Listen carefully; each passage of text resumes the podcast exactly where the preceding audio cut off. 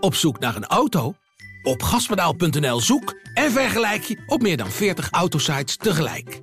Je zoekt op de grote autoportalen en bij de autodealer om de hoek. Je hebt het grootste aanbod en maakt daarom de beste vergelijking. En zo mis je nooit meer een auto. Zoek en vergelijk op gaspedaal.nl. Hallo, mijn naam is Pieter Klok. Ik ben hoofdredacteur van de Volkskrant en dit is een nieuwe aflevering van de Volkskrant Elke Dag. De dagelijkse podcast waarin we de achtergronden bij het nieuws bespreken en vooral proberen te schetsen hoe de wereld op tal van terreinen onder onze ogen aan het veranderen is. En vandaag gaan we eh, naar Oekraïne, of uh, nog specifieker, we gaan het hebben over tanks en, en de belangrijke rol die die uh, op het slagveld spelen en misschien gaan spelen. Dat gaan we uitgebreid bespreken met aan mijn rechterhand Michael Persson. Welkom. Nou ja, jij was natuurlijk meermaals aan het front, dus daar gaan we straks met je over praten. hoe sterk die behoefte aan die tanks eigenlijk al die tijd is geweest. ook aanwezig, Steven Ramdaria was hier al veel vaker. Goeiedag onze wapenexpert, mag ik wel zeggen. Maar ook, uh, uh, je hebt heel veel verstand van militaire strategie. Je hebt uh, meerdere oorlogen gevolgd. Steven, om met jou te beginnen. Die tanks, Duitse tanks. Wat mij eigenlijk verbaasde is dat Duitsland de beste tanks heeft blijkbaar. Want, want uh, ze verlangden sowieso naar tanks, de Oekraïners. Maar die Duitse tanks, dat was toch wel de heilige graal. Hoe kan het dat Duitsland de beste tanks heeft? Nou ja, samen met Amerika. Hè? De, de Abrams uh, en de Leopard, die worden gezien als de beste tanks, de beste westerse tanks. Eén van die tanks heeft zich tot nu toe alleen bewezen. Dat is de Amerikaanse Abrams in beide Irak-oorlogen. Alleen de Leopard nog niet. Maar afhankelijk van, uh, als je kijkt hoe de, de tank zich heeft ontwikkeld in de afgelopen 40 jaar. Sinds het in gebruik is, wordt het gezien als uh, gelijkwaardig aan de Amerikaanse Abrams. Maar ja, Duitsland heeft vooral vanwege de Tweede Wereldoorlog een, een grote voorsprong op het gebied van het bouwen van tanks en het ontwerpen van de beste bepansering. Mm en uh, dat hebben ze voortgezet na de Tweede Wereldoorlog. Onder andere met de Leopard die in de jaren zeventig in gebruik werd genomen door diverse NATO-landen. En eigenlijk die, die, die eerste Leopard, dat is daarna flink gemoderniseerd. Ze zijn nu bij de Leopard 2 in diverse varianten, maar de tank wordt nog steeds gezien samen met de Abrams als eigenlijk de beste van de wereld. Maar begrijp ik jou goed dat dit het debuut op een echt slagveld wordt voor de Leopard? Dus we hebben het nog nooit kunnen zien in de praktijk, wat, wat, wat dit zo'n tank kan aanrichten. Nee, alleen uh, tijdens oefeningen. Uh, het is wel uh, ingezet bij onder andere vredesmissies.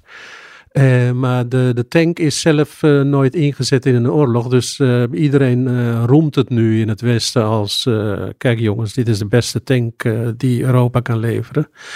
Maar in deze oorlog uh, zal het zich dus moeten bewijzen. Ja, maar de kracht zit in de bepansering, zei je al. Wat zijn nog meer bijzondere uh, eigenschappen van die, van die le Leopards? Ja, ja, samen met de, de Abrams is eigenlijk de bepansering. Het beschikt over uh, reactive armor. Dat wil zeggen dat als het wordt geraakt door een granaat van een Russische T-72, dat het niet meteen buiten gevecht wordt gesteld eigenlijk uh, veert de granaat terug of het uh, slaat slechts ten dele in op de, de bepansering. Dat is een groot voordeel. Een ander groot voordeel van de, de, Leopard is de enorme vuurkracht en de vuursnelheid. Het kan zo'n 10 granaten per, per minuut afvuren. Het is ook vrij mobiel, ondanks de, de 60 ton dat het weegt. En uh, het is in, ook in grote mate, net als de Abrams, uh, gedigitaliseerd. Dat wil zeggen, uh, ze beschik, beschikt over een vuurleidingssysteem. Waarbij de bemanning kan zien waar de vijand zich bevindt. Maar ook waar de, en dat heeft de Irak-oorlog bewezen, waar je eigen tanks zich bevinden. Okay. Tijdens de Irak-oorlog ehm, werden een aantal Abrams uitgeschakeld en vernietigd.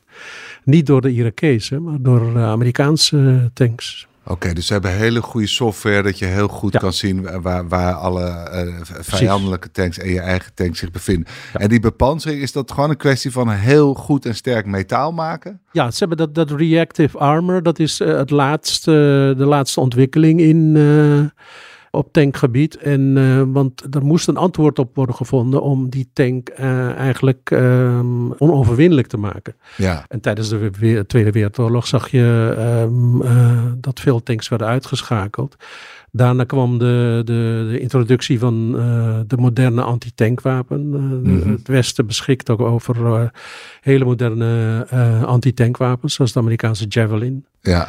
En in deze oorlog is uh, uh, bewezen wat voor een krachtig wapen die antitankwapens zijn. Ja, dus het is een soort wapenwedloop geweest tussen de, de tanks en de antitankwapens. Ja. En, die, en die Leopard en in minder mate die Abrams hebben die slag voorlopig gewonnen. Er is geen antitankwapen wat die Leopard kan uitschakelen. Nou, dat zal dus in de komende maanden moeten blijken. De Russen ja. beschikken ook over uh, vrij goede antitankwapens. Ja. Uh, met name de Cornet. En die is uh, ook geleverd aan Hezbollah in Libanon.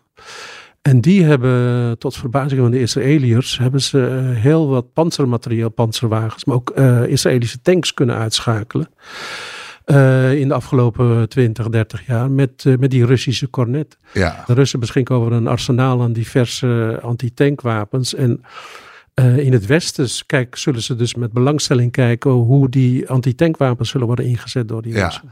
En, en om het verhaal af te maken, wat maakt, want die Leopard is eigenlijk nog superieur aan de Abrams? Of, of nee, of nee, zijn die nee, ongeveer gelijkwaardig? Het is, het zijn maar wat, wat is het verschil dan tussen beide? Nou, eigenlijk het grote verschil, en dat is uh, de reden waarom de Amerikanen huiverig waren om de Abrams te leveren, is dat uh, de Abrams een benzineslurper is. Het, het rijdt uh, 1 op 7. De Leopard is aanzienlijk zuiniger. 7 op 1 volgens mij. Uh, wat, ja. ja, 7 op 1. Ja. 7 liter voor 1 kilometer. Ja, ja, ik dacht al, dat is redelijk. Uh, oh, ja, nee, is bijna net zo zuinig als mijn auto. Ja. dus uh, de Amerikanen hadden zoiets van: uh, moeten we de Oekraïners hiermee wel opzadelen? Ook, ja, je zal een heel logistiek systeem moeten opbouwen. Om, uh, om die Abrams te kunnen inzetten. Ja. En, en dat die Abrams zoveel uh, brandstof slurpt in vergelijking met die, is dat gewoon Amerikaanse onzuinigheid van elke auto die ze ja. hebben? Of uh, is, ja, het, is die nog zwaarder? Het, het is, nee, de, in, ze zijn uh, allebei even zwaar. De, afhankelijk van de variant van de Leopard verschilt het eigenlijk niet veel. De, de, de zwaarste Leopard is geloof ik 73.000 kilo. Maar qua uh, tonnage is het, uh, verschillen ze niet veel. Alleen ja, de Amerikanen um, hebben dat, die M, uh, M1 Abrams zo gebouwd. Ze hebben nooit aanleiding gezien Ja. om die motor uh, Zuiniger te zuiniger te maken. Want hoeveel zijn het er nu uiteindelijk geworden? Hoeveel Duitse tanks, hoeveel Amerikaanse tanks en hoe verhoudt zich dat tot het totaal aantal tanks op het slagveld op dit moment? Ja, als je alles bij elkaar optelt van Amerika, eh, Duitsland en diverse landen, kom je op uh, een kleine honderd. Volgens mij staat, de, staat het nu op zo'n 70, uh, ook uh, van andere landen. Er komen steeds meer landen bij. Dat is uh, niet de 300 die Oekraïne uh, wilde hebben. Oekraïne zei uh, de afgelopen maanden van we hebben minstens 300 tanks nodig. Om een verschil te maken bij die diverse gevechtslinies in het oosten en in het zuiden. Ja. Dus, en een verschil maken is dat ze er doorheen kunnen breken. Ja, wat je, ja, wat je ziet is nu dat ze, die bestandslijn is zo'n 1000 tot 1500 kilometer. Van het oosten tot het zuiden. En de Oekraïners proberen sinds september proberen ze op uh, diverse uh, gebieden van de frontlijn proberen ze uh, door te breken. Alleen tot nu toe is het niet gelukt. Met name langs één frontlinie in Luhansk proberen ze door te breken. Maar dat Ja. lukt niet, want die Russen die houden de Oekraïners tegen. En je ziet Ja. dat beide partijen in het offensief gaan, maar dat, ze, dat er geen grote terreinwinst wordt geboekt. Maar En- er zijn al heel veel tanks, want, want, want Rusland heeft duizenden tanks volgens mij. Oekraïne heeft heel veel tanks. Die hebben ook heel veel tanks weer buitgemaakt van de Russen. Ja. Eh, de, de- de- hoeveel zijn dat er? En, en, en waarom zijn, de- kunnen ze met die huidige tanks het verschil niet maken?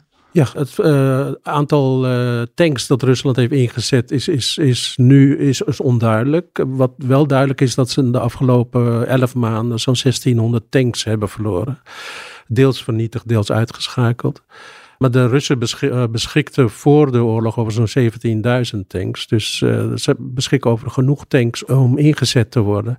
Alleen eh, waar ze zich eh, in hebben vergist is de kracht van de, de Oekraïnse antitankwapens. Eh, de Oekraïners hebben tienduizenden Amerikaanse, Britse en Europese tankwapens gekregen, antitankwapens. En daarmee worden de Russische tanks, met name de T-72, die worden op kilometers afstand, soms tot op vijf kilometer afstand, worden die gewoon uh, aan flarden geschoten. Dus, dus dan kunnen ze daar eigenlijk niks mee uitrichten? Met nee, precies. Dat, uh, het feit dat, ze, dat ook die Russen bij, op diverse punten langs die frontlijn niet hebben kunnen uh, doorzetten en doorbreken geeft aan wat voor, wat voor moeilijkheden ze hebben met hun tanks om, eh, om toe te slaan. En, en Oekraïne op momenten die die tanks in beslag neemt, heeft er ook niet zoveel aan. Want dan geldt hetzelfde, dat de Russen met hun antitankraketten ook, ook ze vrij makkelijk nou, kunnen uitschakelen. Ja, nou, de gedachte is dat um, um, uh, van de Oekraïners is als je beschikt over moderne tanks, die, die T-72 uh, kunnen vernietigen. Dat je wel een kans hebt om op bepaalde punten, zoals nu in Kremina, waar ze in Luhansk waar ze volgens de Amerikanen uh, voorzichtig terreinwinst boeken. Dat ze op dat punt uh, wel kunnen toeslaan. En de, de, kracht van de Amerikaanse Abrams en de Leopard zal dan het verschil gaan, gaan maken. Beide tanks kunnen tot op 3,5 tot 4 kilometer kunnen ze een T-72 uitschakelen. En tijdens de Irak-oorlog werd heel duidelijk wat, het, wat voor een verschil dat uitmaakt. Want die Iraakse tanks hadden totaal geen uh, vermogen om, uh, om op tijd de Amerikanen aan te zien komen. En nog voordat ze konden reageren, werden ze door een Amerikaanse Abrams helemaal uh, aan gort geschoten. Ja. Michael, jij bent aan het front geweest. Je hebt, je loopgraven gezien. werd er ter plekke ook, ook al om die tanks gevraagd? Kon jij voelen waarom juist die tanks zo belangrijk waren? Ja, de, in eerste instantie werd er om twee uh, dingen gevraagd. Het was meer artillerie, zwaardere en, en uh, verder rijkende artillerie. En dus tanks. Dat was eigenlijk al in, in juni, toen daar uh, op, op twee plekken in Oekraïne hoopten ze toen de Russen te kunnen gaan terugdringen. Dat was in het zuiden en in het oosten. En in het, in het zuiden sprak ik toen met een uh, kolonel, een marinier die net ook in, in Mariupol gevochten. En vervolgens had hij hier bij uh, Mykolaiv en Gerson gevochten. En ja, die, die zei ook echt, ja, om, om verschil te gaan maken hebben we HIMARS nodig. En, mm -hmm. en M777, dat is zware artillerie. En tanks. Die twee, de HIMARS, om, om aanvoerlijnen um, te vernietigen op, op grotere afstand. Om troepenconcentraties te kunnen aanvallen. Maar um, die tanks heb je uiteindelijk nodig om echt uh, vervolgens terrein te veroveren. Nu hebben ze natuurlijk op twee plekken hebben ze grote uh, overwinningen geboekt, de Oekraïners, namelijk in het oosten bij, bij Kharkiv. En dat was, dat was vanaf september. En daarna in het zuiden bij, bij Gerson. Eigenlijk ehm, waren de loopgraven van de Russen, hun verdedigende stellingen, nog niet heel sterk ontwikkeld. Het waren wel, het waren loopgraven, zeker. maar het waren eigenlijk vrij korte stukjes rond uh, ja, mitrailleurnesten. daar, daar kwam, kon je overheen. Daar kon je overheen of langs. In ja. geval, vooral langs ook nog, nog steeds waren dat, uh, was, ging het niet vanzelf. Bij Gerson bijvoorbeeld. En, en je moest eigenlijk met heel veel gung-ho, uh, brani bijna, moesten de Oekraïners daar die loopgraven bestormen op een, uh, bij een ouderwetse manier. Het heeft ook veel uh, levens aan de Oekraïnse kant gekost. En dat is gewoon niet vol te houden. Dus die vooruitgang die ze hebben geboekt, het leek wel makkelijk en het leek wel een, een sweep. Maar dat was, daar, is, daar is gewoon heel hard gevochten op die plekken. En daardoor is het ook weer tot stilstand, stilstand gekomen. Ja, dus zonder tanks kost het ook heel veel meer levens om op te Zeker, ja, ja. ja. En, dat, en die hebben ze niet. Nee. Uh, zoveel zijn er niet. En, en de Russen daarentegen hebben daarvan een meer uh, of tamelijk onuitputtelijk arsenaal ja. mensen. Uh, ook al zijn die niet getraind, slecht bevoorraad en slecht bewapend. En slecht gekleed. Maar dan toch heb je gezien de afgelopen maanden dat die toch stand hebben kunnen houden. In de, We hebben heel veel kanonnen voeren. Ja, dat blijven mensen met, met wapens die ook heel veel schade kunnen toebrengen aan, aan ja. de anderen die tegen ze vechten. Maar inmiddels heeft Rusland wel een stevige linie van loopgraven gebouwd. Waar je eigenlijk nog moeilijker doorheen komt dan, dan vorige herfst. Daar lijkt het op, ja. Het lijkt ja. op dat ze zich wel die, die terugtocht zowel in Kharkiv als uh, bij Gerson, ja, die, die leek enigszins chaotisch, waardoor de mensen hier ook in het westen, die, ja, die, die keken handenwrijvend toe en die dachten van nou, die gaan helemaal terug tot aan de grens. Dat wordt een walkover, maar ze hebben zich kunnen hergroeperen. In het oosten, inderdaad achter een, op het oog een, een, flinke, een stevige linie. En dat gevoed met al die mensen, die nieuwe recruten. Uh, dus je hebt en de verdedigingslinie en de mensen om daar stand te houden en weer in het offensief te gaan. En in het zuiden heb je natuurlijk de rivier, de, ja. de Dnipro. En ja, dat is natuurlijk een hele grote natuurlijke barrière. Daar zullen de tanks natuurlijk uh, minder kunnen uitrichten. Dus daar, maar die Dnipro die, die loopt naar het noorden en dan op een gegeven moment loopt het front daar weer vandaan. En dan eigenlijk in het midden tussen het zuidelijk front en het oostelijk front is nog een, een stuk land uh, waar die tanks weer kunnen worden ingezet. Oké. Steven, hoe lang duurt het voordat die tanks in de Oekraïne zijn en ze kunnen worden ingezet? Ja, het ligt aan uh, de duur van de opleiding die de Amerikanen en de, de Europeanen gaan geven.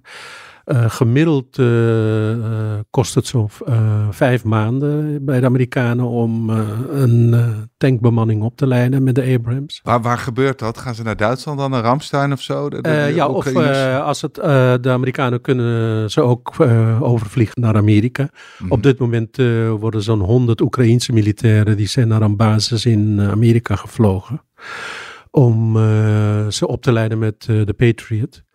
De opleidingen de, vinden ook plaats in Duitsland en uh, Engeland. En uh, de Leopard uh, is, is wat korter. Gemiddeld kost dat zo'n zo'n drie maanden. Mm -hmm. Alleen het voordeel is dat de, de Oekraïners geen recruten, geen gewone soldaten gaan sturen. Want dan, dan moet je die dit soort uh, uh, maanden, aantal maanden hanteren. Maar uh, wat ze tot nu toe doen is om steeds om een aantal militairen van een bepaald vakgebied uit de oorlog te halen naar Europa te sturen, opleiding te geven uh, en dan weer uh, zo snel mogelijk. Een bepaald naar vakgebied betekent, ze besturen nu al tanks. De, de verwachting is dat ze gewoon hun, uh, hun beste tankmensen, die de T-72 nu bemannen, ja. dat ze die tijdelijk uit de oorlog halen. En omdat dit een grote prioriteit ja. is, om ze op te leiden om uh, binnen uh, weken uh, om te gaan met die Abrams en ja, die dan, dan kan het veel sneller. Dus, dan maar, kan het veel sneller. Maar de opleiding is de bottleneck. Het, het, het, verder het, ja. het, de tanks naar, naar het front krijgen, dat... Dat, dat, dat, dat zal geen probleem zijn, want die, de Russen zijn er tot nu toe niet één keer in geslaagd om vanuit de Poolse grens... Uh, die grote Amerikaanse wapensystemen uh, uit te schakelen, uh, te bombarderen. dus die kunnen, die HIMARS, dat zijn vrij grote dingen. Maar de Russen hebben geen enkele op de, op de weg van de Poolse grens naar het oosten en het zuiden hebben ze die kunnen. en dat komt nog steeds omdat ze hun luchtmacht niet, niet kunnen inzetten? Ja. Of, of, want die lange, ze hebben toch ook lange afstand? Ja, ze, ze, beschikken over een enorm potentieel aan, aan gevechtsvliegtuigen. Maar die zetten ze heel uh, op kleine schaal in. Tot een paar maanden terug werden er dagelijks maar 300 missies uitgevoerd. Dat is heel weinig voor zo'n uh, grote oorlog. En uh, bij die Oekraïners uh, was het aantal op enkele tientallen gevechtsmissies. Maar de Russen maken niet op grote schaal gebruik van hun luchtmacht, omdat ze als ze dood zijn voor de Oekraïense S-300 luchtverdedigingssystemen die nog steeds actief zijn. En de, de westerse uh, luchtdoelsystemen die, ja. uh, waar uh, de Oekraïners over beschikken. Maar 300 missies per dag klinkt mij nog vrij veel. Nee, als je vergelijkt met de Irak-oorlog werden er duizenden missies uitgevoerd. Ja, er zijn de, zeker in het begin van de oorlog. De missies zijn niet alleen gevechtsvliegtuigen. Er zijn ook uh, natuurlijk vliegtuigen in de lucht om luchtverdediging uit te schakelen. Om de radar te, te ontregelen en dat soort dingen. tankervliegtuigen die in de lucht moeten zijn.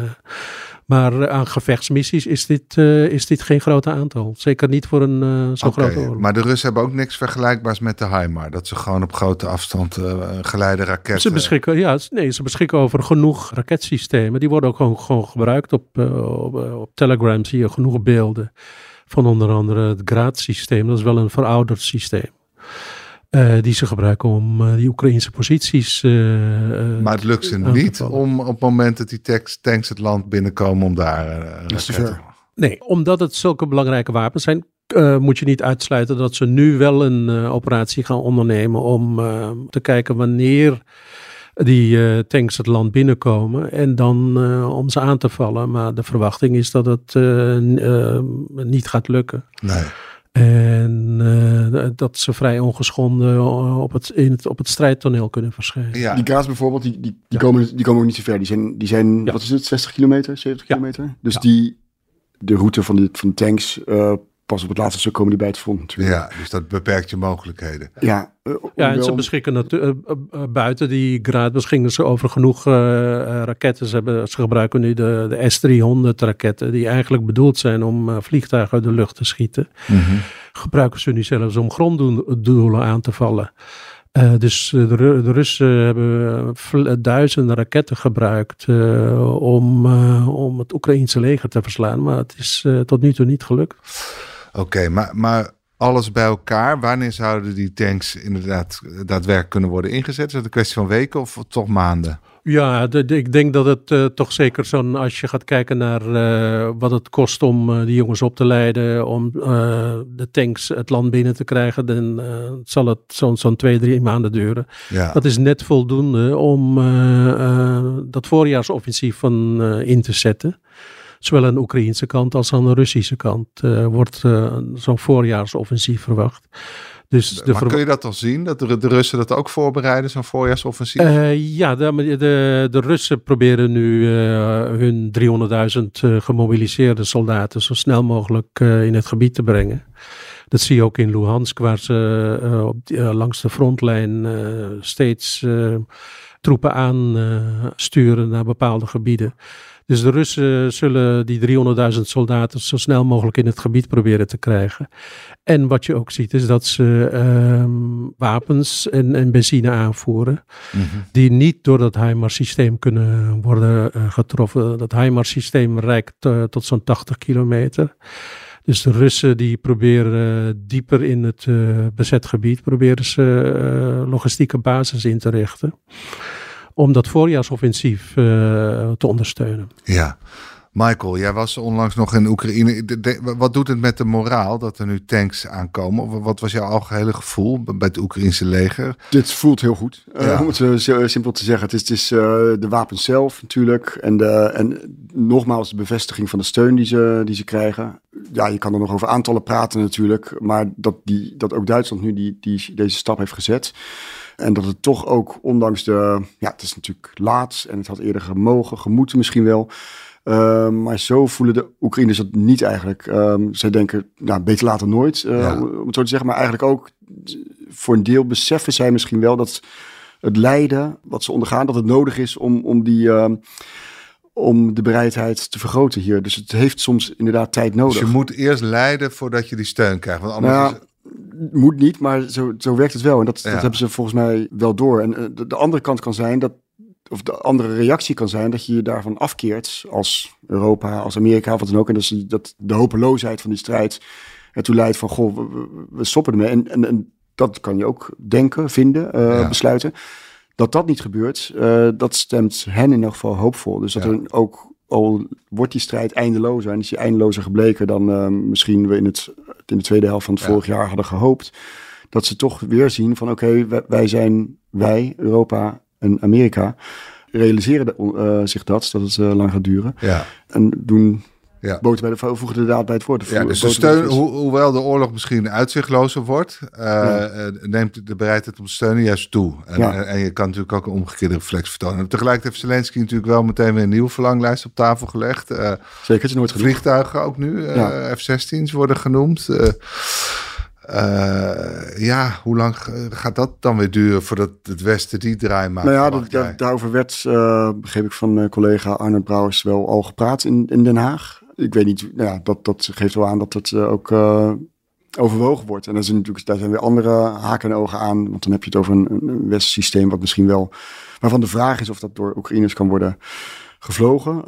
ja, op termijn natuurlijk altijd. Maar dat, dat, dat zal dan ook even, even duren. Tenzij je... Um, westerse systemen met westerse mensen uh, gaat sturen. Dat zal nog niet gebeuren.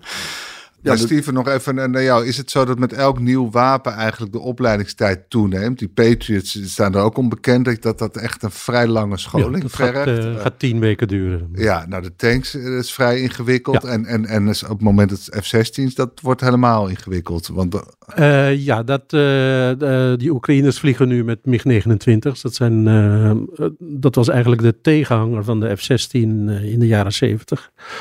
Maar de F-16 is uh, daarna ingrijpend gemoderniseerd en uh, eigenlijk het, uh, het, succesvolste gevechtsvliegtuig van de afgelopen 50 jaar.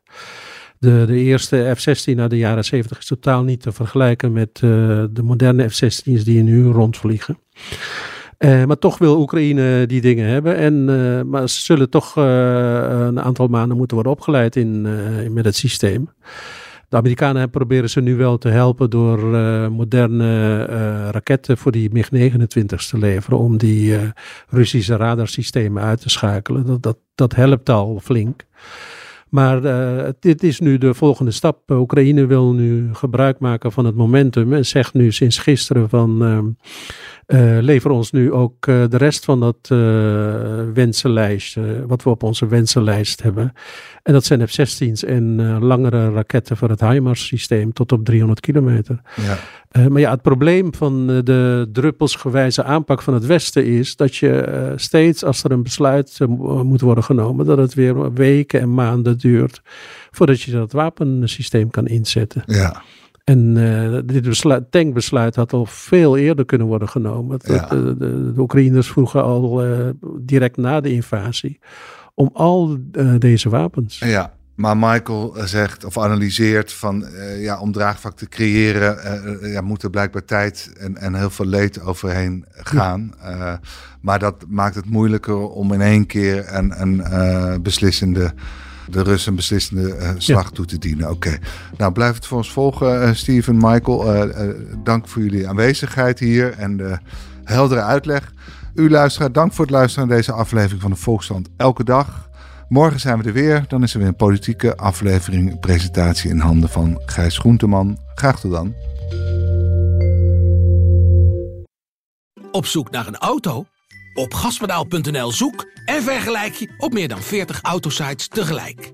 Je zoekt op de grote autoportalen en bij de autodealer om de hoek. Je hebt het grootste aanbod en maak daarom de beste vergelijking. En zo mis je nooit meer een auto. Zoek en vergelijk op gaspedaal.nl.